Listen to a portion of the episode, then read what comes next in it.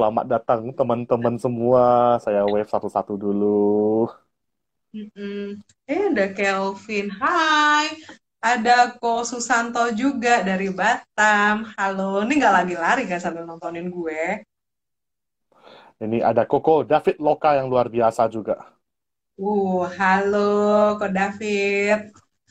Dia kayaknya nontonin kita lagi sambil makan apa gitu deh. Makan Biasanya. enak pasti. Pastinya makan enak. Mm-mm. Nonton kita sambil Ayo. mungkin ini ngincer diskonan di delivery. Us. Membuka rahasia dapur orang. Ups. Wah, Do- Hmm. Dora the Traveler. Berarti itu apa dong? Julukan Halo. Halo Julukan Kak apa Vera. Tuh kan, Hai, udah hai, lari. hai. Eh, ada Sabil dari puncak gunung liatin gue. Astaga. Ada Kak Hudin. Hai. Ah, Hai, Hai, ada Koko William Low juga sudah Akhirnya. hadir. Instagram gue di follow kan. Awas lo nggak di follow. Oh, ternyata selama ini Halo. mereka nggak follow gitu. Ketahuan. Iya, nyesel rasanya nggak di follow.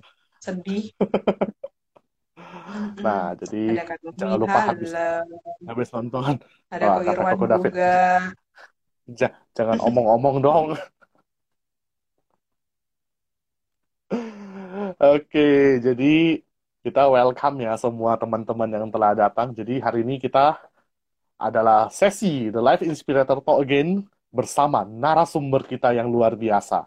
Nah, tema hari ini kita membahas A Tale of a Storyteller. Storyteller ya. Kira orang dengar kata storyteller berarti bingung dong, "Ah, apa ini? Apakah orang yang hobi mendongeng atau hobi bercerita atau seperti apa? Nah, tentunya akan kita telusuri satu persatu dalam sesi kita. A Tale of Storyteller kita hari ini akan menguak, membuka tentang dunia tourism, dunia pariwisata. Seperti ya yang Menteri Pariwisata kita ya, Mas Menteri Sandiaga Uno yang sedang terus giat mempromosikan pariwisata Indonesia.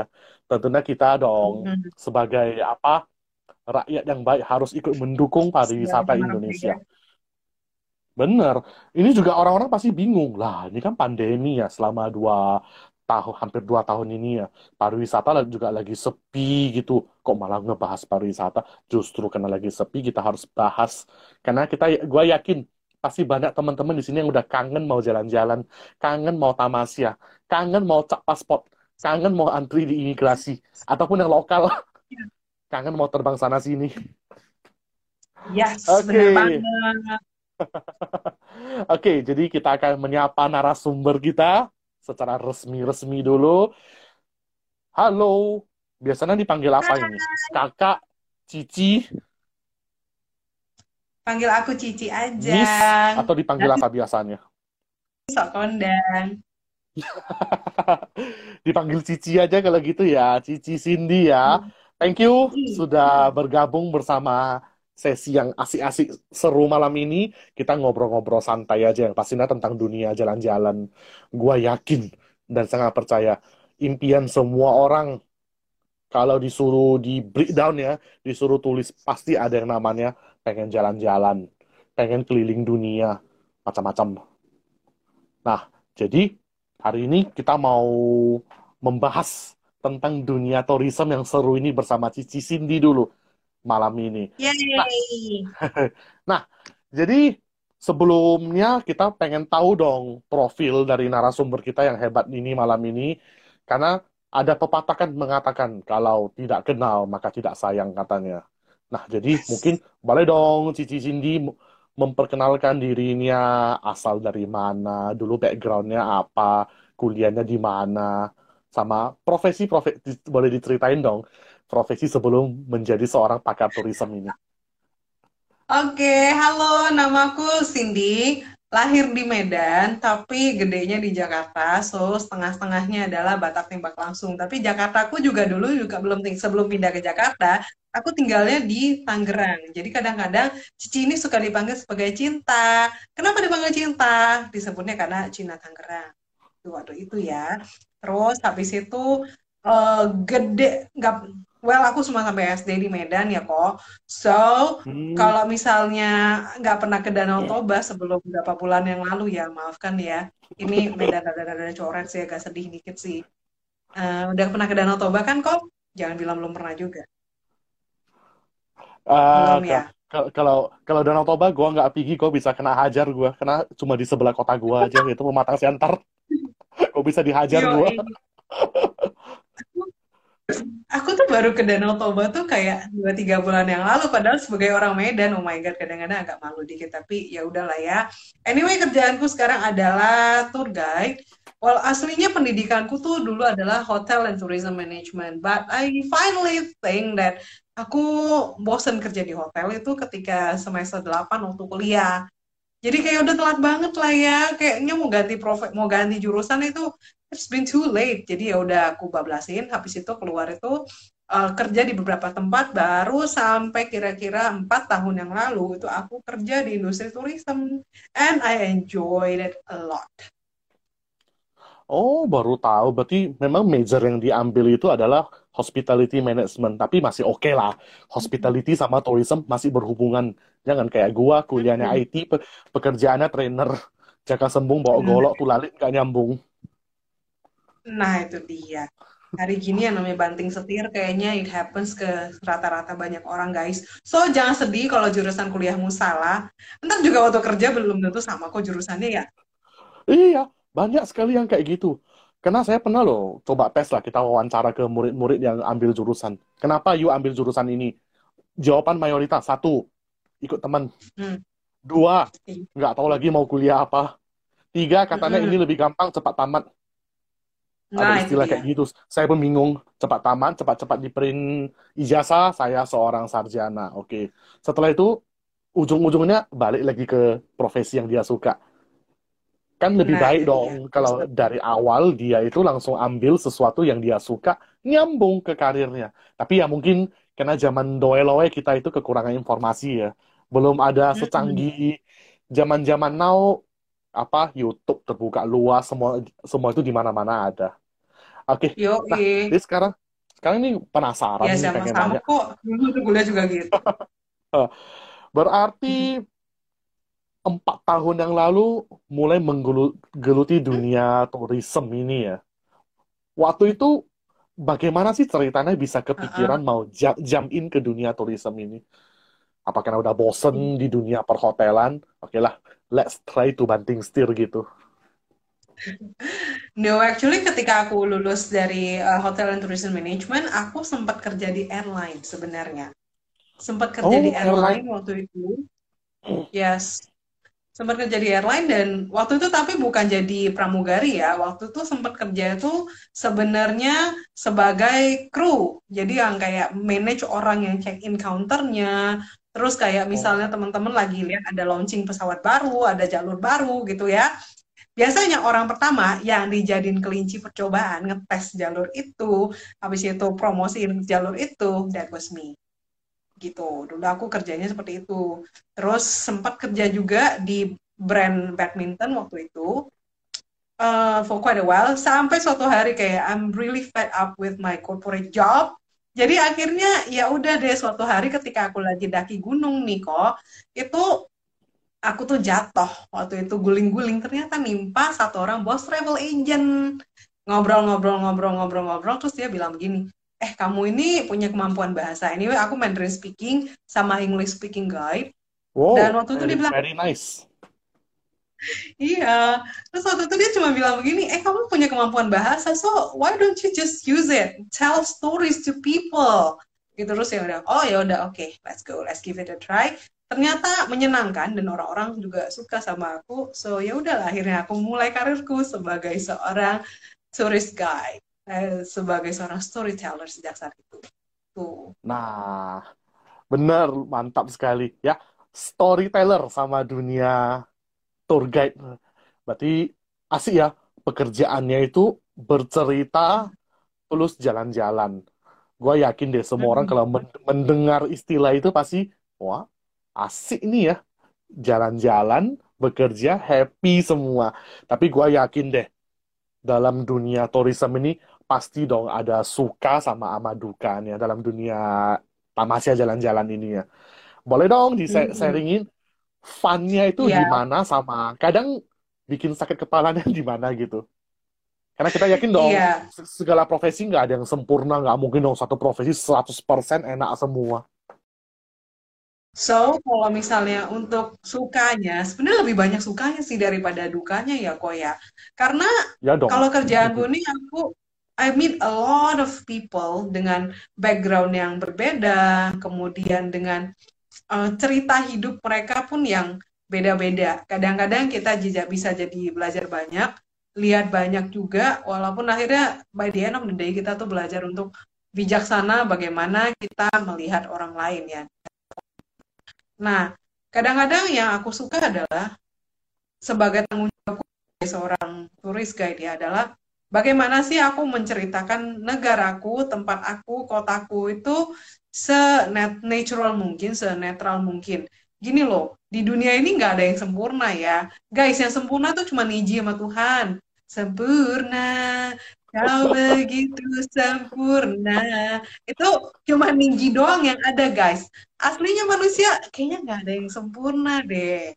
Kalian mau cari di mana? Dan sama menurut gue di setiap negara, di setiap kota itu, kehidupannya itu nggak ada yang sempurna. Nggak semuanya 100% bagus, tapi juga nggak semuanya 100% jelek. Dan bagaimana kita bisa merepresent itu, itu in a balanced way. Baik dari sisi positifnya maupun negatifnya dan ngasih tahu orang loh, oke inilah sisi manusianya. Nah, ini this is what I like. Dan kadang-kadang dari orang yang datang sebagai turis gue atau gue yang bawa ke luar negeri itu, kadang-kadang itu kita bisa punya insight baru dari orang yang melihat kota dari kota ini dari bukan kita yang menghidupi di dalamnya, tapi dari sisi luarnya gitu. Dan it makes your life a lot more colorful daripada ketika sebelum kita tahu. Gitu. So. Itu sukanya ya. Moga-moga gue nggak lagging karena dari your side mulai lagging kok. Tiba-tiba jadi- tiba-tiba Gitu. jadi lagging. Nah, terus iya lagging. Nah, terus yang kalau misalnya dukanya ya, well, kadang-kadang orang yang kita temuin itu kan nggak ini ya, nggak selamanya itu orang-orang yang ya udahlah ya happy-happy terus atau gimana. Kadang-kadang you know people comes with their package. Kadang-kadang mereka package yang mereka bawa itu nggak selamanya positif. Kadang-kadang ada juga sih yang negatif, bukannya enggak gitu. Dan kadang-kadang we really have to deal with that. Dan finally itu akhirnya mengasah kemampuan kita. Bagaimana kita menjadi orang yang di dalam kehidupan kita. Gitu. Mau- kadang-kadang ceritanya lucu-lucu sih kok. Em, apa ya? Lu pada denger gak sih? Gue pernah sekali sih buat tamu ya waktu itu ya. Itu ke Papua waktu itu. Kita mengunjungi suku Dani. You know lah. Kalau kita sampai ke sana itu, kita kan sebagai tamu ya. Memang mereka punya budaya agak sedikit berbeda dengan kita. Nah, dari segi cara berpakaian, dari macam-macam, itu pun agak berbeda sama kita ya. Iya, kita hargai perbedaan Betul. itu. Betul. Ya, tapi ya jangan dipegang juga sih. Kalian tahu lah suku Dani itu pakainya apa ya? Mereka pakainya cuma koteka, guys. Waktu itu Oh. sekali tamu gue, saking penasarannya, what is inside the koteka dia pegang dong. Yang dipakai, guys, bukan yang dijual. My God. Wah, ini tamunya gawat, gawat banget nih tamunya. Iya, gue pernah dapat kayak gitu. Alhasil waktu itu kami satu grup itu langsung diusir dari kampung itu because temen gue, tamuku ini megang yang harusnya nggak dipegang. Waktu ku tanya, Astaga. kenapa dipegang? Iya, dan waktu ku tanya sama tamu itu, kok kamu pegang ngapain? Terus dia cuma bilang, enggak lucu aja, jadi penasaran aku pegang. Oh my God. Ha, my God. Kok bisa ya kayak gitu ya? Mm-mm. Ya kan gue bilang, kadang-kadang beragam orang yang Iya. kita temui, ya udah dari yang dengan paketnya yang macam-macam. Dari yang enak sampai yang nggak enak, pokoknya telan semua ya. dari yang lurus sampai yang belok-belok sampai yang bikin makan hati yang kita tiap hari harus membacakan mantra sim sabar sim sabar lengkap semua Iya sih. itu apa tamunya itu gawat tidak ketolong itu Mm-mm. Wah, Mm. tapi bener Dan dukanya itu sebenarnya bukan bukan duka lah itu apa cerita mm, funny lah gitu mm-mm. cerita Fanny. Dukanya adalah, guys, nggak selamanya, Kak, gini loh, manusia tuh nggak selamanya baik. Kita juga harus ngaku lah, kita manusia yang kadang-kadang kita pun nggak selamanya baik ya. Kadang-kadang ada satu ma- manusia tuh semuanya berusaha untuk menjadi baik, tapi you know guys, kadang-kadang manusia tuh lupa, termasuk gue kok gitu ya. Nggak selamanya gue baik juga. Kadang-kadang gue juga lupa, maunya sih gue jadi baik kok, jadi orang baik terus, tapi nggak selamanya bisa kayak gitu. Kadang-kadang gue juga lupa gitu loh. Nah, jadi apa ya? Kita tuh kalau menghadapi orang banyak, finally there's one thing that I learn adalah belajarlah untuk yang namanya laminating hati. Laminating hati oke take note Nah, apaan yes, tuh apaan tuh term gue mulai ngaco ya. Jadi maksud dari laminating hati itu kayak gini kok. Em, kalau kita tahu orang itu berubah sepanjang masa ya, kita tahu yang kita temuin pun banyak. Kadang-kadang kita berjodoh, mungkin kita bisa sering ketemu. Aku juga banyak tamu yang returning ya. Terus kadang-kadang ya cuma sekali, dua kali, oh nggak ketemu lagi, mungkin ya apa namanya dia udah jalan di satu tempat, dia pindah lagi ke negara lain atau gimana. Ada juga orang kayak gini. Tapi no matter what, mereka mau yang positif maupun yang negatif ya, this too shall pass gitu loh. Orang-orang ini juga akan berlalu gitu loh. Kita sendiri pun berlalu di banyak kehidupannya orang lain gitu ya. Usaha berusaha memang menjadi baik, tapi kadang-kadang kita lupa. So, by the end of the day, belajarlah untuk tidak terlalu baper. hmm benar sekali Kalau ini saya ketemu yang baik, iya. Kali ini kita ketemu yang baik, besok bisa jadi dia juga akan pulang. Kalau dia akan pulang, kita terlalu kehilangan. Guys, emang kalian mau uh, nangis berapa kali? Tisu tuh juga beli, guys, gitu loh. Ya kan? Kalau lu ketemu yang rada-rada bandel gitu ya, misalnya ketemu yang rada-rada bandel, ya udah, kita ketemu dia berapa hari? Tiga hari, lima hari. Dia juga eventually akan pulang. So, this too shall pass. Jadi, jadi orang ya nggak usah terlalu baper gitu loh. Jadilah versi terbaik kita. Usahakan kita menjadi blessing, menjadi orang buat orang lain. Tapi please jangan baper. bener Gitu. bener apalagi zaman now sekarang ya sosial media itu ya kita tahu lah Hmm. Netizen-netizen kan terkadang kalau memberikan komen-komen itu kadang kurang sedap untuk didengar, kurang sedap untuk dibaca. Oh, kalau kita Hmm. orangnya baperan, tiap hari main sosial media, tiap hari baper, lama-lama masuk RSJ, lama-lama. Mm-mm. Nah, Iya. karena ibaratnya, ibaratnya apa? Eh, kita kan nggak bisa mau menut, tangan kita nggak bisa nutup mulut orang banyak sekali. Ya kita bisa tutup Hmm. kuping, biar kita nggak denger. Yang positif kita denger, Mm-mm. yang negatif ya Yes, udah anggap angin, angin lalu, angin lalu aja.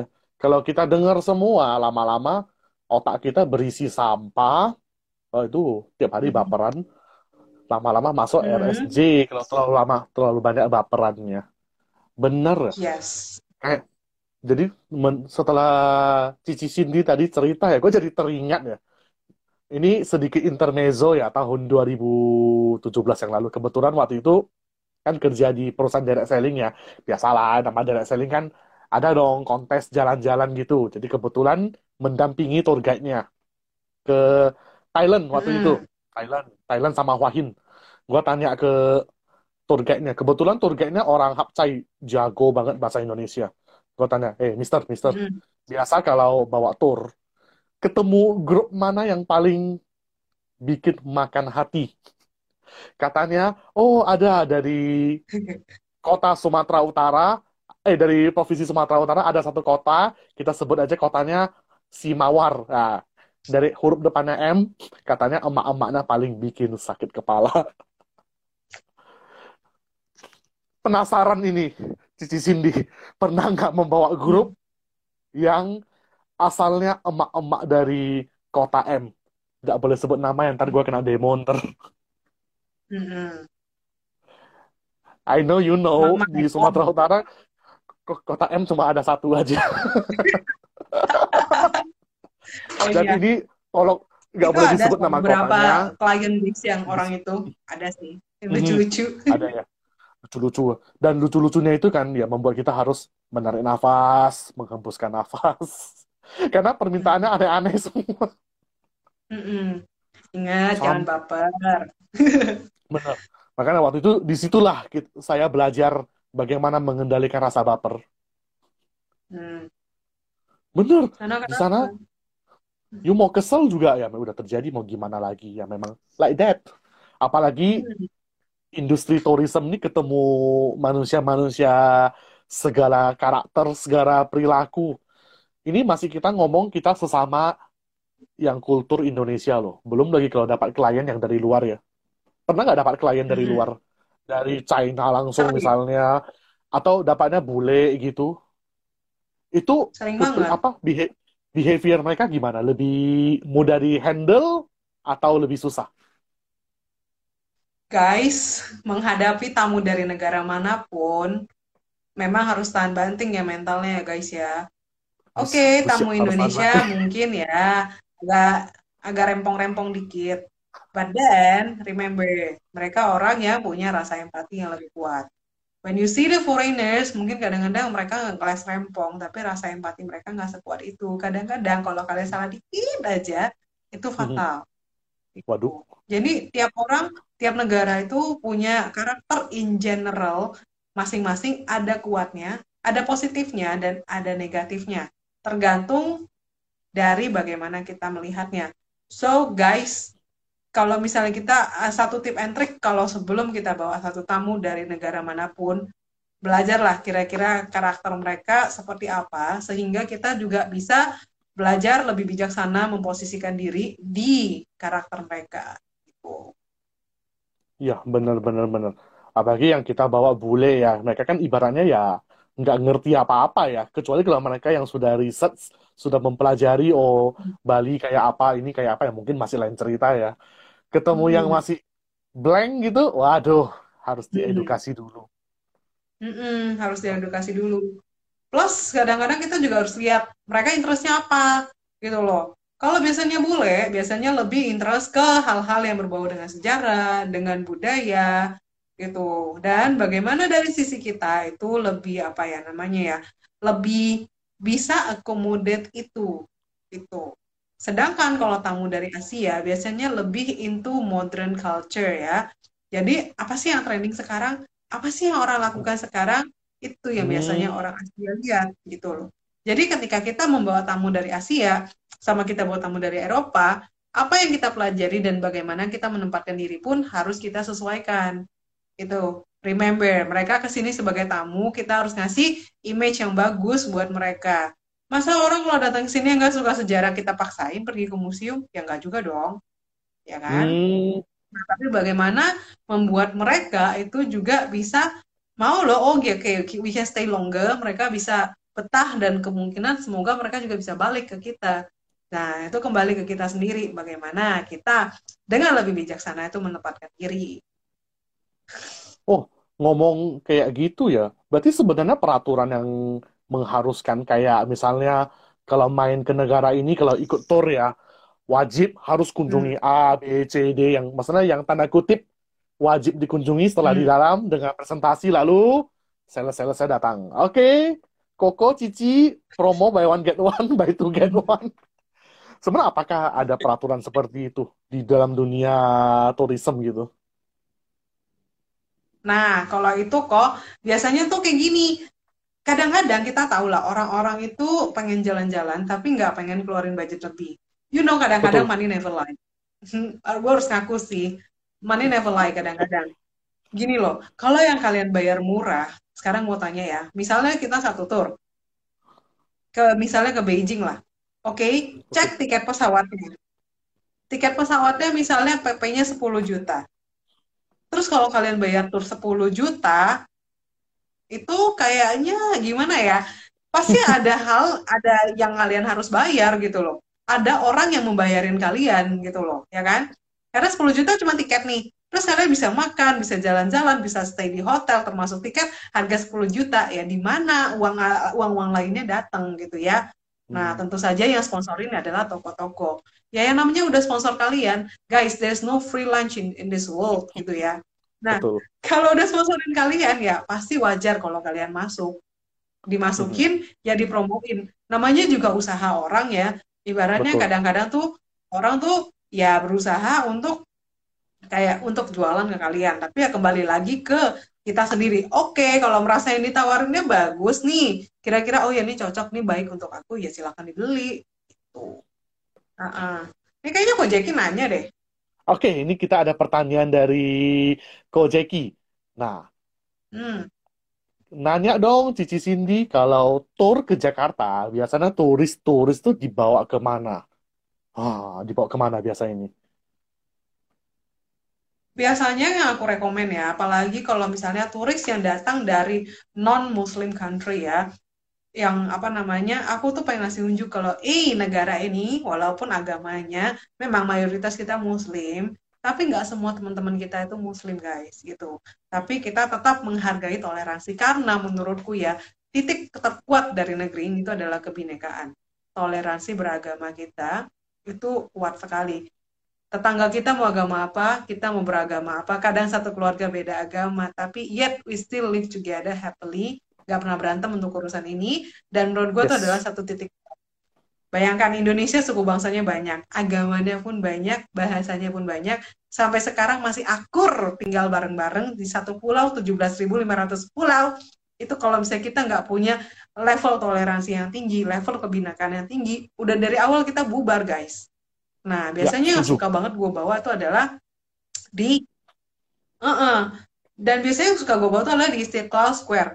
Istiqlal, Katedral, Immanuel itu bareng-bareng dan seberangnya kita tahu di Pasar Baru tuh sentra dari ada ada kelenteng, ada juga pura-pura terus nyebrang. Dan marbot di sana nggak pernah komplain sekalipun. Jadi setidaknya Hmm, untuk urusan kita nggak pernah komplain. Kita nggak pernah berantem soal perpakiran ya. Nah, dan akhirnya tuh itu yang gue pengen highlight kepada orang-orang di seluruh dunia bahwasannya, hey, toleransi itu penting banget dan orang-orang Indonesia itu adalah orang yang sangat menghargai toleransi kita yang sampai detik ini pun kita nggak pernah berantem untuk urusan itu. Itu. yes, setuju sekali ya. Bineka Tunggal Ika Indonesia inilah yang benar-benar paling bisa dibilang number one di Indonesia. Orang-orang Hmm. dari luar semua melihat, wah Indonesia itu, kurasa kalau kita mau hitung ya berapa suku di sini, agama, ras, ibaratnya, wah jari pun nggak bisa hitung lagi. Tapi semuanya tetap akur dalam satu nama Indonesia. Ya, inilah mungkin salah satu daya tariknya Indonesia di mata dunia. Mm-mm. Kita suku Benar bangsanya ya? 340 loh. Serius. Suku bangsa kita tuh Sangat. banyak banget. Mm-mm. Ja- Bahasa daerah Jari kita pun tidak tuh bisa menghitung. Benar. Iya, jadi Aduh, habis. saya masih ingat dulu belajar bahasa Batak, ada udah lupa semua. Sekarang saya bercita-cita mau belajar bahasa Jawa dulu. Kebetulan kan udah lama di. Pulau Jawa ya, jadi harus belajar bahasa Jawa dulu. Oke, luar biasa ya. Berarti Jakarta itu menarik ya. Malah kita sendiri yang tinggal di Jakarta malah bingung ya mau main ke mana ya, mau jalan-jalan ke mana, bingung sendiri malah. Ternyata sebenarnya masih banyak sekali tempat-tempat yang menarik ya. Berarti kalau kita tadi Benar. ngomong untuk dari bule atau orang luar, mereka kan suka budaya sama sejarah ya. Berarti di sini harus dong Mm. ya benar-benar menguasai apa minimal harus riset dulu ya ini ceritanya gimana semua tentang kultur, sejarah-sejarah gitu. Mm-mm. Harus Iya, dan gue kebetulan orang yang suka belajar sejarah sama budaya, guys. Gitu, karena menurut gue sejarah itu adalah catatan kehidupan orang yang semoga ketika diceritakan ke kita itu bisa masih insight buat kita yang bikin kita tuh jadi lebih bijaksana dalam hidup. Ya, tapi ya gimana lah caranya ceritain sejarah nggak bosen ya, nggak bikin orang tidur. Masih ingat gak sih dulu pelajaran sejarah waktu SMA atau SMP? It was very boring, you know. Ya kan? Siapa sih nggak tidur di kelas? Mau nanya deh. wah Nggak ada. Waktu itu ya udah lupa. Jangan-jangan tidur di kelas. Nah, karena waktu ke dulu tuh kebetulan aku sih dapat guru sejarah yang lumayan ya. Jadi dia tuh orangnya orangnya fun gitu ya. I just I remember gitu. Dulu tuh misalnya nih dia mau bilang ya itu uh, masih ingat gak uh, revolusi Prancis itu dia punya moto apa? Masih ingat? Lupa. Nilai sejarah merah dulu. Dulu tuh guru sejarahku ceritanya begini. Dulu yang namanya kita tahu ya, semua segala sesuatunya ada jargonnya. RCTI, dia punya logo apa? Yang nyanyian okay. itu. Tata tata okay. tata RCTI oke okay. okay. ya SCTP satu untuk semua. Jadi apa jargon dari revolusi Prancis? Jawabannya adalah liberté, égalité, fraternité dan gue langsung hafal langsung. Gue rasa gue tuh harus bakar dulu di kertas, baru minum, baru bisa hafal mungkin. Hmm, kalau nggak copy paste di roti ya, kayak Doraemon. copy paste di roti, betul. Hmm. Oh. Iya. Jadi dari Jadi, situ akhirnya gue belajar gimana caranya menceritakan sesuatu ke orang lain itu dengan cara as simple as possible, tapi orang itu bisa mengingat poin pentingnya yang ada di situ, dan semoga itu juga bisa diterapkan dari hidup orang-orang itu ya. Cerita orang itu bisa diterapkan sehingga itu menjadi berkat buat orang itu dan menjadi hal yang apa ya, mm, inspire orang itu untuk menjadi lebih baik dan lebih baik lagi. Gitu. Hmm, betul betul. Berarti sebenarnya sih benar ya kalau di tadi kan cerita masalah guru sejarah ya. Saya jadi ingat satu hal sih. Sebenarnya nggak ada pelajaran yang susah sih. Pelajaran matematika, fisika, kimia sebenarnya nggak susah. Yang susah itu gurunya killer. Jadi belum apa-apa, sebelum belajar aja moodnya udah hilang. Aduh, ini gurunya kayak Adam Hiller, kayak Adam Hiller ini. Serasa kalau disuruh kerjakan soal fisika kalau gagal langsung apa zaman dulu dilempar penghapus ya. Kalau zaman sekarang nggak boleh lagi, ntar polisi datang besok. Mm-mm. Iya, zaman sekarang udah nggak boleh tuh dipukul pakai penggaris juga udah boleh. Rotan, Terus rotan. juga nggak bisa sih belajar di Zoom di rumah biasanya orang tua lebih banyak diatin pukulin. Oh iya, orang orang tua yang jagain di samping ya. Asal orang tuanya nggak stres iya. juga, ikut belajar stres sendiri. Oke. Okay. Nah, ini saya masih ada penasaran satu hal ya. Bisa dikatakan ya, tahun lalu ya, pas Maret 2020 yang waktu Indonesia pertama kali mengumumkan pandemi COVID-19 ini ya. Pastinya yang pertama kali hmm. menjerit itu dunia travel. Bahkan saya juga ada beberapa teman yang kerja di dunia travel ya, sudah level-level GM juga semua I'm so sorry banyak yang juga kehilangan pekerjaan pada masa pandemi ini ya. Jadi waktu itu apa yang dipikiran Cici Cindy pada waktu itu? Wah, ini istilahnya negara api menyerang nih. Dunia travel gimana ya gitu. Iya. Dan jujur sih sampai sekarang juga masih worry kok karena ya udahlah ya. Kalau dulu jadi tour leader, satu tahun ke luar negeri itu 14 kali, 15 kali itu hal yang biasa banget. Satu gitu. tahun Sekarang, 14, 14 kali. Oh, amazing. Iya, 14 kali. gitu. Amazing. iya. Kadang pulang buat ganti koper doang tuh juga udah hal yang biasa banget gitu. Hmm. Terus tiba-tiba nggak ke mana-mana, di rumah terus, mukulin lalat, sampai nggak ada lalat yang mau dipukulin. Itu kadang-kadang eh, stres juga sih ya jujur ya. Dan banyak sih sebenarnya dari teman-teman yang yang apa namanya yang yang kehilangan pekerjaan itu banyak banget. Tapi aku tuh termasuk yang beruntung sih guys. Termasuk yang beruntung adalah gini. Uh, kira-kira satu bulan sebelum pandemi ya, waktu itu teman kita tuh iseng banget nge-tweet ya, bilang begini, aduh kangen nih guiding, karena you know lah, guide itu kan doyan banget ngomong ya. Kalau nggak ngomong itu bisa sakit kepala guys. Gitu. Dan waktu itu puyer bintang tujuh tuh nggak bakalan mempan. Gitu.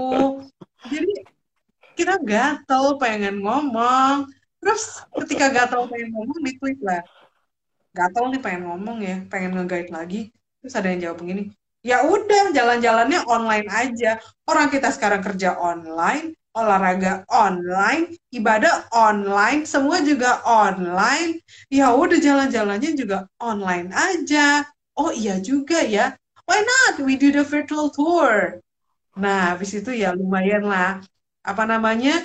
Minimal kami tuh sekarang jadi akhirnya lebih kreatif dibandingkan dulu aku sekarang lebih kreatif loh Iya, Beneran? bener. Bener. Awalnya siapa yang kepikiran virtual tour? Gak ada yang kepikiran bener-bener Mm-mm. waktu itu. Jalan-jalan dari Mm-mm. dari apa? Secara webinar gitu ya, pakai Zoom ya. Ternyata bisa ya. Mm-mm. Awalnya kita Bisa. juga bingung. Kalau misalnya Gimana bisa belajar dari rumah, you too could travel from home actually. Benar, benar. Kenapa? Karena ini juga membantu orang supaya dia tidak sembarangan ke mana-mana. Ya Udah di rumah nonton Mm-mm. nonton tour aja. Ada orang bilang, ah. Biar kalau nggak nonton gitu juga ya, di rumah. ya mending gua no- mending gua nonton TV, nonton YouTube. Nah, aku bilang beda. Kalau ini kan Anda bisa interaksi langsung. YouTube emang lu mau Iya. you mau bicara sama sama layar, tadi kira orang gila lu lama-lama. Mm-mm. Ngomong sama Ah, layar, terus tiba-tiba iklan Shopee COD. Aduh, lupa deh. itu makanya. Jadi kalau dengan webinar, ya kebetulan ya, karena kan Zoom yang lagi populer ya. Ini istilahnya sebenarnya webinar tuh banyak ya. Ada Zoom lah, ada Google Meet lah. Tapi berhubung dia udah kayak apa brandingnya kebetulan sukses di waktu pandemi ini. Jadi apa-apa orang bilang saya mau Zoom dulu. Yuk Zoom dulu, Zoom dulu, Zoom dulu. Webinar dulu. Zoom itu kan pro- produknya Mm-mm. gitu. Nah, kayak apa? Iya. Mie instan Indomie, pompa air Sanyo, motor Honda. Jadi Zoom itu kebetulan hokinya lah Hmm. itulah. Naik daun di masa pandemi ini. Akibatnya orang ingatnya Zoom mulu. Eh, ternyata Zoom Mm-mm. ini jadi vir- virtual tour ya. Kebetulan saya udah pernah join Mm-mm. beberapa kali juga Dan virtual tour. apa ya? Ternyata asik, Plus ternyata asik. gini loh inovasinya. Uh-uh. Dan kenapa virtual tour ini tuh akhirnya orang tuh suka ya kok ya? Gini, kita ini tour leader, tour guide ini adalah orang yang kebetulan dikasih blessings ya, banyak blessings itu untuk ke mana-mana, ya kan? Untuk ke banyak tempat, ketemu dengan banyak orang, gitu. Nggak semua orang bisa punya blessings kayak kita. Nah, jadi finally buat mereka yang nonton ini, buat yang belum pernah berangkat, ya udah anggap aja ini preview, biar nanti nyampe ke sononya itu minimal nggak ya nggak gaptek-gaptek banget lah gitu ya. Kalau untuk satu topik juga mereka jadi lebih tahu biar nggak gaptek-gaptek banget. Tapi guys, yang udah pernah pergi, kalian juga kangen kan balik lagi ke tempat itu, apalagi misalnya tempat itu berkesan banget gitu. Aku pernah loh waktu itu sekali buat tamu ke Swiss ya. Nah, tamu ini tuh kekeh banget setelah bawa virtual tour, dia masih minta rekaman dari itu padahal dia ikut virtual itu. Waktu aku tanya, Hmm, kenapa bawa?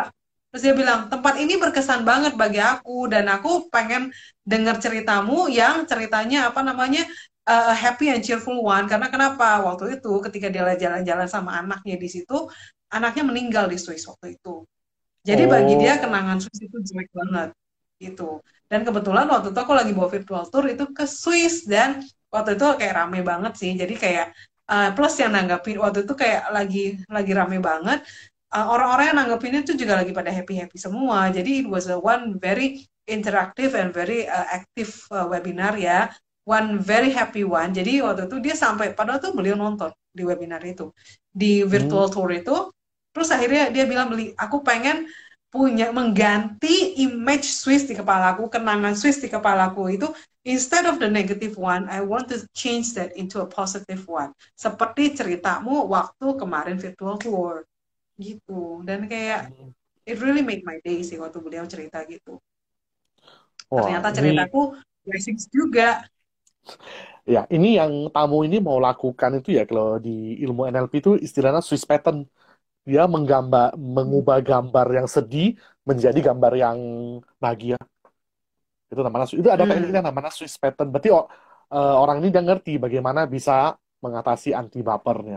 Nah, jadi kebetulan kan kita Hmm. ngomong virtual tour ini ya. Jadi mungkin lah kepada teman-teman yang nonton virtual tour ini ataupun nanti yang akan mendengarkan ulang virtual tour ini lewat Spotify.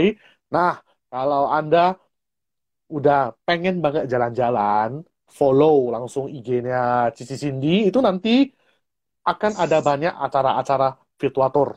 Ke mana-mana, Yes. Mm-mm. ke mana-mana, semua Kita ada ya. bisa ke mana-mana. Bisa ke mana-mana. Bahkan katanya ke apa, Kutub Selatan juga ada ya katanya ya. Ya. Ada, serius, ada, beneran. Ada. Bahkan Ah, naik luar angkasa pun pernah. Underwater aja pernah. Kita lihat jalan-jalan ke Palungan gimana rasanya. oh, kalau gitu tolong dong dibuat jalan-jalan ke black hole, ke planet emas. Kayaknya tuh boleh itu. Bisa, bisa. Bisa di-request. Ke mana aja boleh ya.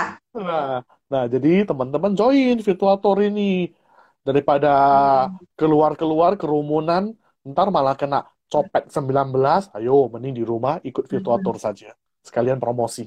Hmm. Oke, Iya, iya. jadi benar-benar satu innovation yang luar biasa virtual tour ini. Oh, by the way, I Hmm. wonder ah, eh, apa Hmm. ini dari komen dari teman-teman kita, jalan-jalan ke hati Ci Ci Cindy dong. Ah, mungkin itu boleh dibuat juga Nanti isoman ya di hati gue ya. Tenang. ke black hole, Hmm. ke black hole aja Eh nanti balik ngomong-ngomong COVID kalau kalian isoman di hati gue, free flow happiness. free flow lah Hmm. hatinya. Kalau Gratis nggak kita bawa COVID-nya ke black hole aja, nggak usah dibalikin. Betul sekali. Nah, ini penasaran ini tempat-tempat mana aja sih yang Hmm. udah dikelilingi oleh Cici Cindy ini? Hmm, well, Kosa ada kalau lupa ben, sih, tapi kosa majority benua-benua besar pasti sudah ada ya, majority. iya, iya sih. Di Amerika, banyak benua Eropa, udah ini Asia. sih. Mm-mm, Tapi mm-mm. tapi kalau Banyak mau sih. banyak ya. Hmm. Tapi bisa dikatakan malah panorama Indonesia itu tidak kalah jauh beda dengan dunia luar ya. Bahkan gue Oke, yakin di di Indonesia sendiri masih banyak tempat yang bahkan saya sendiri pun tidak tahu bahwa tapi Iya. pesona pesona wisata Indonesia itu masih banyak yang benar-benar ibaratnya it's very hard for us to imagine karena terlalu cantik. Gini guys, satu apa ya saran buat teman-teman. Kalau teman-teman masih muda, jalan dulu lah keliling Indonesia dulu. Karena gini guys, Indonesia itu cantik banget dan cantiknya tuh apa adanya, nggak dipas dika, nggak dikasih polesan, nggak disolek, nggak diapa-apain. Pokoknya cantiknya apa adanya. Kalian tahu nggak sih underwater Indonesia ya? Coral Indonesia ini, kalau teman-teman ke Raja Ampat, 75% coral yang ada di dunia, jenis coral dan hewan-hewan coral yang ada di dunia itu, 75%-nya itu ada di Raja Ampat. Jadi kalau Hmm. kalian mau lihat underwater life, Nemo yang berenang, Dory yang berenang, itu teman-teman nggak usah jauh-jauh, nggak usah ke Jepang, nggak ada di situ, cuma ada di akuarium doang. Oke, kalau teman-teman mau lihat dalam real life-nya, teman-teman mainlah ke Raja Ampat. Lihatlah in real life-nya mereka kehidupannya itu kayak gimana. Nah, terus guys, tapi ada satu negatifnya, ada satu minusnya adalah tempat-tempat wisata itu, tempat-tempat yang cantik itu alamnya itu, itu takut dengan peradaban manusia. Jadi, kalau misalnya kita bangun yang apa namanya sesuatu tempat yang terlalu modern ya di sana ya, yang ada alamnya rusak guys. So, pemerintah kita Hmm. biasanya lebih banyak membiarkan itu supaya lebih bisa dilihat oleh anak cucu kita. Finally, usaha kita untuk melihat Nemo, Dory yang berenang asli di lautan itu, usahanya ya memang jadi lebih besar. Biayanya pun jadi lebih mahal. Contoh lah, kalau kita terbang ke Raja Ampat, guys, tiket PP ke Jepang kalau lagi promo itu paling cuman sekitar 5 juta. Guys, kalian ke Raja Ampat, tiket PP pesawatmu doang itu segitu harganya. Itu baru tiket Hmm. pesawat ya. Plus, kalau di Jepang udah nyampe kotanya kan tinggal jalan-jalan. Udah apa nah tinggal bayar tiket ini aja ya, tinggal bayar tiket public transport ya. Guys, kalian kalau mau ke mana-mana ke Raja Ampat itu jauh-jauh guys. Jadi mesti naik kapal. Oke, mesti naik kapal. So ya tahanlah satu tempat ke tempat lain biasanya 4 jam naik kapal. 4 hours naik kapal dan biayanya karena kita bayar solar ya untuk menjalanin kapal itu itu jelas memang pasti lebih mahal. Jadi kalau orang bilang jalan-jalan ke Raja Ampat lebih mahal jalan-jalan ke Jepang, it's true. Tapi guys, I'm Hmm. telling you, kalau kamu masih muda, kamu masih bisa jalan, masih bisa lihat itu semuanya dengan apa namanya dengan mata kepala kita sendiri. Ketika mungkin suatu hari kamu udah encok, udah diabetes, udah kolesterolan, guys, probably your chance is not really that much. So, kalau misalnya masih muda, masih ada kesempatan, jalan-jalan dulu deh ke Indonesia. Lihat negerimu yang cakep ini dan cakepnya apa adanya, nggak pakai skincare, nggak pakai make up, apalagi endorsement selebgram, nggak ada guys. Iya, saya setuju itu. Benar-benar natural semua. Ibaratnya Mm-mm. tanpa iklan pun tempat dia udah betul-betul fenomenal sekali. Mm-mm. Tanpa diapa-apain, walaupun perginya encok dikit ya. Oh iya, karena bisa dibayangkan ya, itu naik Hmm. kapal ya di daerah Raja Ampat, itu kan berarti laut bebas ya, laut lepas ya istilahnya Ya, ya. bebas. Itu Iya, pasti om- ombaknya juga bukan kayak naik kapal di apa istilahnya di itu yang di Thailand apa namanya itu floating market. di Fiji Island. Ada di floating market. Jadi i- ibaratnya jangan dibayangkan kayak naik kapal sampan di floating market dan itu pasti ombaknya juga sangat tinggi ya. Ibaratnya lebih menantang Mm-mm. lah gitu. Lebih menantang kayak petualang Mm-mm. sebenarnya. Mm-mm. Lebih menantang dari ini. Dan guys, you really need to remember, itu Raja Ampat itu, itu laut laut lepas yang apa namanya, kalau bisa kita benar-benar kita layarin ya, kita layarin lebih jauh lagi, itu ujungnya itu adalah Palung Mariana, the deepest place on earth. Gitu. Jadi kalau ombaknya gede itu kayak wajar sih. So, Mhm. kalau kita ke Raja Ampat, bawalah obat anti mabuk. In case Hmm. kalau tetap mabok, ya udah ada obatnya minimal. Gitu. Oh, oh, berarti dari sana ke Palung Mariana sudah dekat ya berarti ya? Eh, nggak deket-deket banget sih, kayak masih harus berlayar ber- ta- eh, lumayan jauh. Tapi ingat mereka tuh share satu samudra yang sama. Saya sama sama sama. Ah, Oke. Still wonder ya. iya Itu satu Palung Mariana isinya ada apa sih paling dalam? Siapa tahu ada harta itu. karun. Oke, is 11 kilometer under the sea. Kalau misalnya orang biasa itu biasanya penyelam profesional maksimal itu berenangnya itu paling dalam tuh 150 meter. Bayangkan.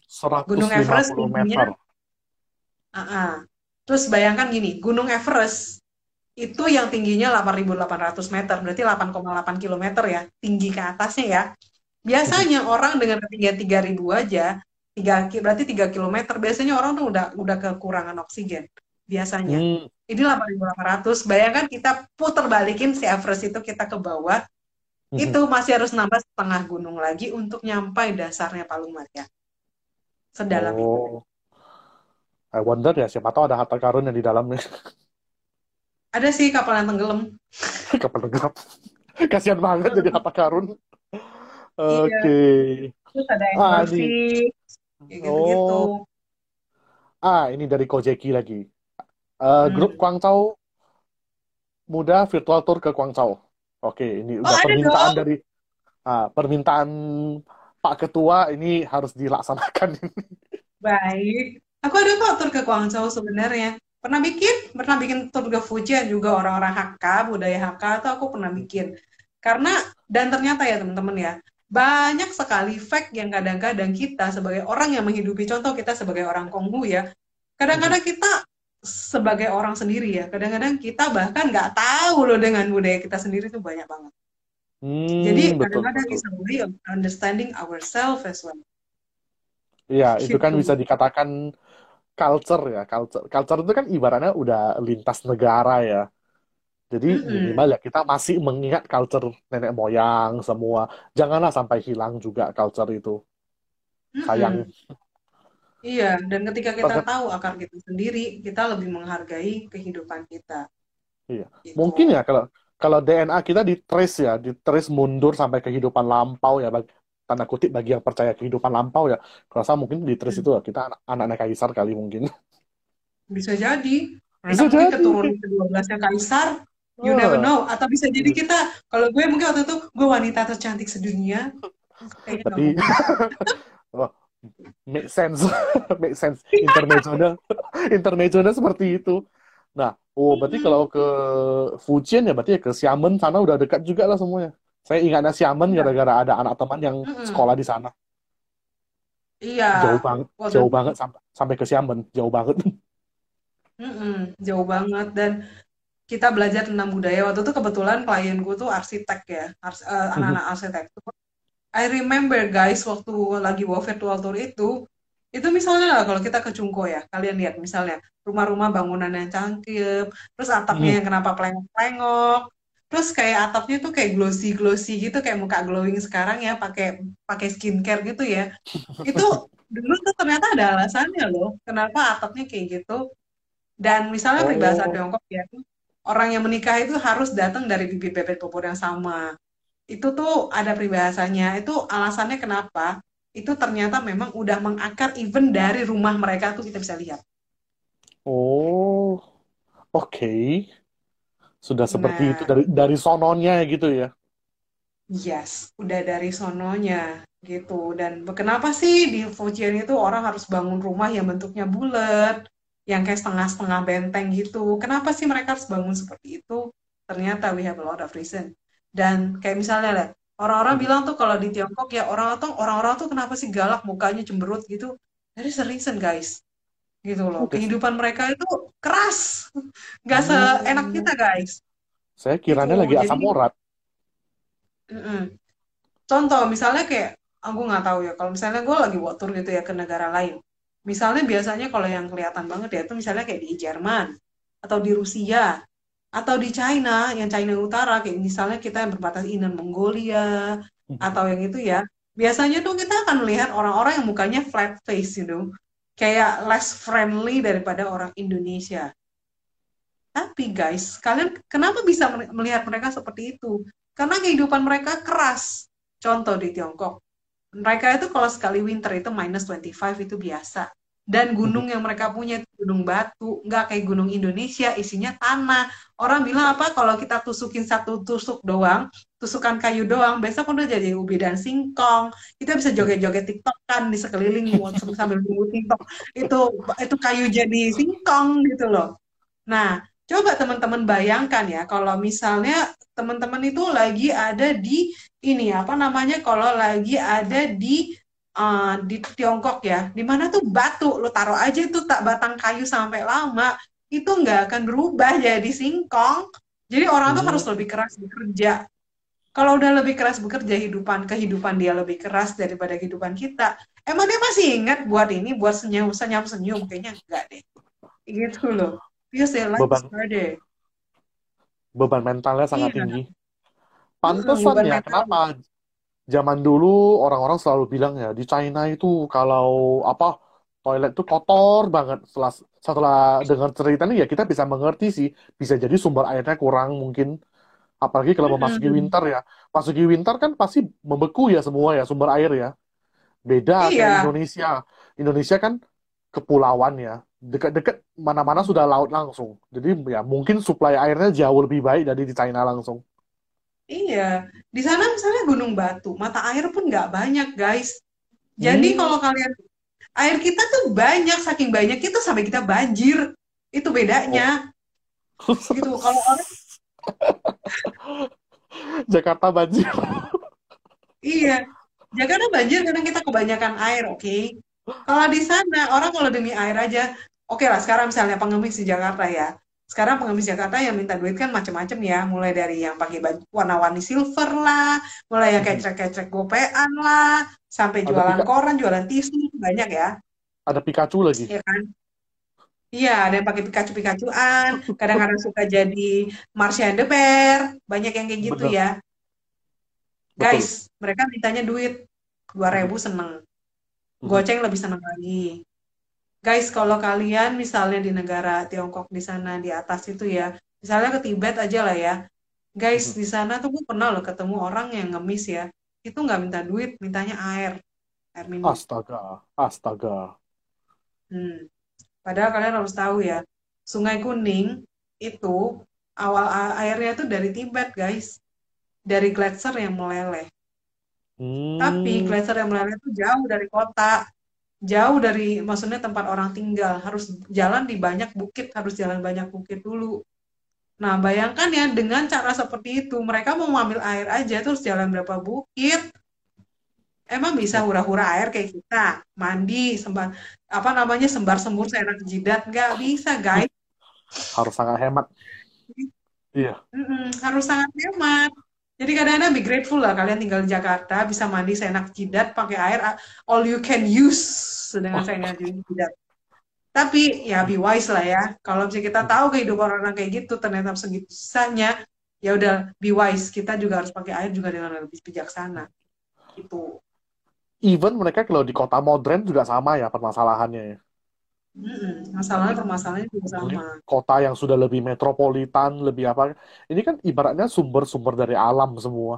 Kalau sumber dari alam aja macet, ya kota Nah, macet semua pastinya. iya makanya. Oke, itu kita cerita air ya. Oke, sekarang kita ke Rusia misalnya ya. Sekarang Hmm. kita lihat air, sekarang yang kedua kita lihat adalah sinar matahari. Oke. Rusia itu posisinya itu dekat dengan polar ring, dekat dengan perbatasan kutub utara. Oke, sekali summer mereka tuh bisa panas 24 jam. Matahari Gile. bersinar 24 jam. Hmm. Tapi kalau sekali winter mereka bisa gelap sepanjang hari. Mak, Gitu. antik ya, antik ya, Rusia ya. Yes. Yes. Dan ingat waktu ketika teman-teman ya semoga teman-teman nggak ada yang kena ya. Tapi misalnya ketika teman-teman ada yang kena, remember salah satu cure adalah dengan vitamin D dari jemur matahari ya. Hmm. Bayangkan kalau kenanya pas winter lagi nggak ada matahari gimana? Wah, jemur kegelapan dong. Jemur kegelapan Nah, jadinya. jemur, iya, jemur pakai senter, nggak mungkin kan? Kayak senter. Pakai ring light gitu jemurnya, Iya kan? I see. Berarti bener. Mm-mm. Jadi pesan ya buat semua teman-teman, nah, semua audiens yang lagi denger dan yang akan denger, kita memang benar-benar harus be grateful ya tinggal di Indonesia. Belum lagi Indonesia mendapatkan predikat negara tersantai di dunia. Ya, definisi tersantai itu jangan dianggap termalas lah. Kita kita nggak ngomong malas orang Indonesia rajin-rajin kok semua. Buktinya, buktinya jalanan macet semua. Kalau jalanan nggak macet berarti ah, orang Indonesia malas-malas. Karena jalan Mm-mm. Ma- macet berarti semua beraktivitas keluar. Very very be grateful lah. Walaupun kita cuma punya dua musim ya. Hujan sama Mm-mm. kemarau yang kadang sudah nggak bisa dibedain lagi. Waktu kemarau hujan, waktu hujan kemarau terbalik-terbalik semua. Mm-mm. Bayangkan ya, Iya, ber- berarti kalau bawa tur jalan-jalan gini harus memperhatikan empat musim juga dong berarti ya. Spring, summer, iya, winter, sama autumn untuk beberapa negara. Iya. Jadi kita tahu outfit apa yang kita harus pakai, apa yang harus siapkan, kita siapkan ke sana. Misalnya kita tahu kita lagi mau ke negara winter, please jangan bawa bikini, gak guna, ya kan? Itu cari masalah namanya. Mm-mm. Itu kalau masuk angin, remember guys, di luar negeri itu nggak ada tolak angin. Jadi kalau Waduh, kalian masuk angin, sedih. sih, harus harus siapin itu dong. Koin apa? Koin uang koin logam untuk untuk kerok. Nah, itu dia. Harus sedia koin magic sama balsem minyak kayu putih. Ah, ikannya itu Nah, harus dibawa. jadi, uh-uh. Jadi kadang-kadang ya mesti lihat lah kondisi di sana tuh seperti apa dan kadang-kadang juga harus lihat kondisi budaya di situ. Contoh awalnya kalau di Thailand ketika sang raja meninggal ya, itu Mhm, apa namanya kan negara berduka ya. Ya tolong lah jangan pakai baju merah. Orang lagi Hmm, berduka lu pakai baju merah kan nggak enak ya. Pakai bawa yang baju yang lebih tone down sedikit. betul. Tuh. Itu Thailand sampai website mereka ya, saya perhatiin ya, semua change color ke grey semua.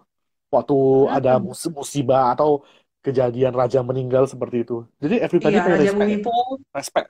Iya, Mhm. karena itu raja favorit mereka, respect banget sih. Gitu. Hmm, Jadi ya kadang-kadang kita juga memperhatikan aspek budaya ketika kita nyampe, nggak cuma sekedar weather. Dan kadang-kadang juga, ya pokoknya harus ada backup plan. Kadang-kadang yang kita lihat ya, misalnya tuh, eh contoh lah kayak tadi aku bilang di Rusia lagi ya. Guys, kalian tuh jangan salah ya. Kita ngalamin yang namanya white night itu nggak enak. Karena ketika matahari bersinar di kepala kita adalah, oke kita harus kerja, kerja, kerja, kerja. Mhm, Bahkan jam 2 pagi aja rasanya kayak kerja, kerja, kerja, kerja, kerja. mhm, Even actually it's our time to rest gitu loh. Betul. Jadi kadang-kadang itulah dia kita belajar adapt dengan orang dengan sekeliling kita ya kayak gitu. Kadang-kadang lihat jam, benerin body clock kita itu seperti itu. Gitulah. Dan kadang-kadang be grateful lah kalian tinggal di negara yang ya udah paginya jelas jam 6 pagi sampai jam 6 sore terang. Mhm, Malamnya ya udah 6 sore ke malam besok pagi lagi jam 5 pagi itu gelap. Jadi akhirnya Oh. minimal body clock kita tuh bener gitu.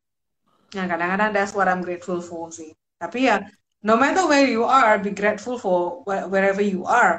Karena pasti ada plus minusnya sih, Mhm. Betul, gitu. betul. Kita Wah, tinggal di ternyata Jakarta, meski macet, meski banjir. Tapi ingat ya guys ya, kalau promo delivery itu ya kita paling kenceng loh. coba lihat aja itu di JNE, JNT, pokoknya kurir-kurir apa tempat pengiriman barang lah ya. Kan Hmm. terkadang saya agak bingung juga sih kan katanya lagi krisis ya, lagi susah ya semuanya. Tapi itu pengiriman Hmm. gile banget loh. Bisnis. Iya. Lihat aja dari semenjak 2-3 tahun terakhir ini udah berapa brand perusahaan logistik yang muncul. Hmm. Bahkan sampai Hmm. Shopee juga keluarin Shopee Express bukan promosi ya. Cuma kebetulan ada Oh, endorsement. apa Ninja Express entah apa semua makin banyak. Berarti kan menunjukkan demand itu tinggi dan Hmm. tinggi pada belanja semua. Diskon hunter Hmm. semua. Termasuk seperti kita-kita juga hobinya nyari diskon. Hmm. Because Indonesia love discount. oh iya dong, Everybody love discount. modis, modal diskon, modal gratis. That's Ya juga, ya juga ya modis ya, modal diskon. Tapi nggak Hmm. apa-apa ya, Bis- bisa bisa murah why not ya. Hmm. Oke, Cewek luar modis. biasa sekali ya. Ya, ternyata dengan berprofesi sebagai seorang tour leader itu ya benar-benar belajar banyak Hmm. mancanegara, budaya negara lain, orang-orangnya seperti apa, behaviornya seperti apa, cukup menarik sekali. Tapi w- kalau masuki dunia tour ini ya, berarti workload-nya itu apa?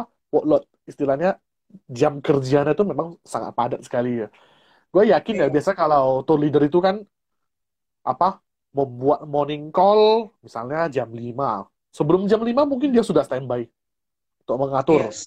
mengat apa Mm. istilah kita istilah kita dulu anak-anak ayam jangan ada yang hilang ya. Udah Yes, itu benar. Tidurnya paling malam. Tidurnya paling malam setelah Mm-mm. semua masuk kamar baru bisa rest. Bahkan pun kadang juga belum rest lah, harus koordinasi ini itu ini itu lagi.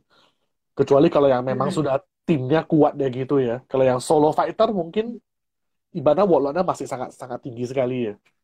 Mm-mm. Berarti Yes. itu benar-benar harus menjaga stamina dengan baik sekali berarti.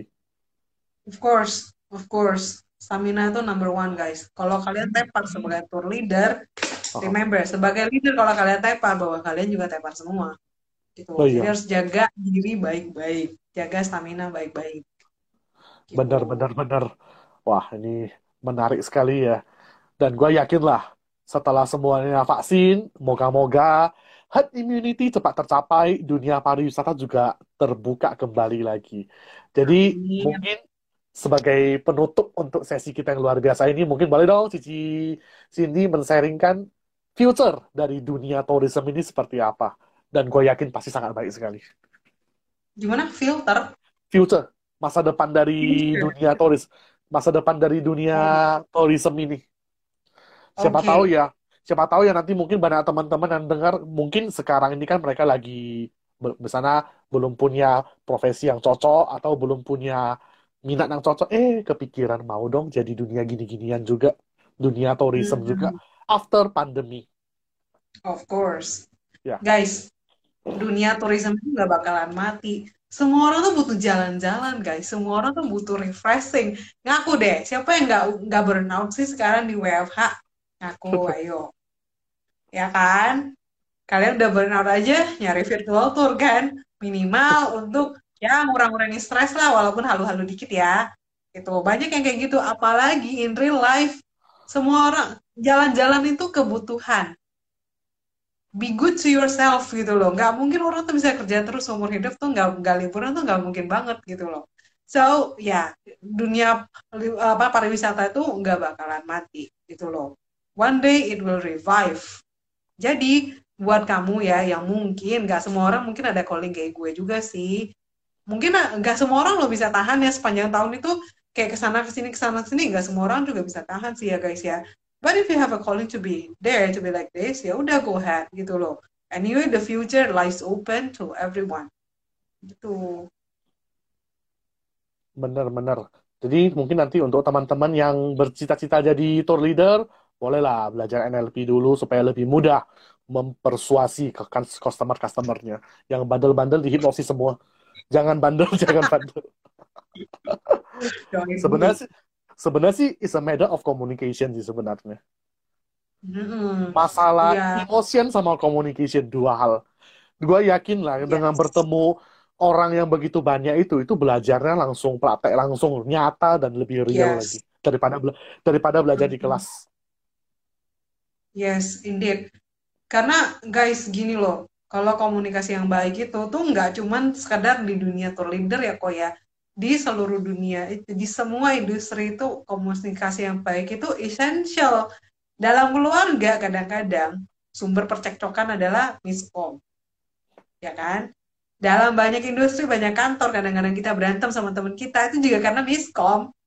Jadi ya, bagaimana caranya kita bisa, gue selalu berdoa sih, bagaimana caranya kita berbicara dengan bijaksana, sehingga apa yang keluar dari mulut kita tuh menjadi blessings instead of a curse for everyone?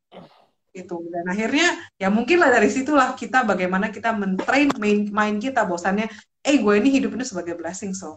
Jadi apa yang keluar dari mulut gue tuh blessings instead of hmm. curse gitu. Betul luar biasa sekali. Oke okay, thank you very much ya Cici Cindy yang udah menemani ngobrol selama udah lebih dari sejam ini untung aja belum diusir oleh Instagram ya masih berbaik wow. hati Instagram nah jadi mungkin Terima kasih sudah mau mengisi acara ini dan juga pada teman-teman yang mendengar terima kasih banyak juga yang sudah mendengarkan dari awal hingga akhir. Nah, yang pastinya kalau mau jalan-jalan selalu ingat Cici Cindy. Terima kasih. Nah, mau virtual tour nggak apa-apa ngehalu dikit tapi fun. Yo, bisa uh, bahkan mungkin aja bisa saling bertukar pikiran suatu virtual tour. Eh, saya pernah ke sini loh. Eh saya pernah ke sini loh. Hmm. bisa saling bertukar malah lebih seru. Karena gue yakin hmm. lah gue yakin banyak orang yang pulang tamasya itu besoknya pasti arisan ngerumpi cerita. Eh gue kemarin ke sini loh ke sini loh ke sini loh ke sini loh. Ya sama dong kayak Fituator kurang lebih mirip. Hmm. oke okay. thank you thank you kok. Thank you. Semoga one day kita bisa collab ngobrol yang lebih jauh lagi. Mungkin nanti setelah membuat virtual tour jalan-jalan ke black hole ke planet Mars kita boleh buat sesi kedua lagi. Baik oke. Okay. uh, nanti kan kita jalan-jalan ke black hole kita titipin covid di situ terus gak usah balik nah, lagi ya. langsung balik gitu.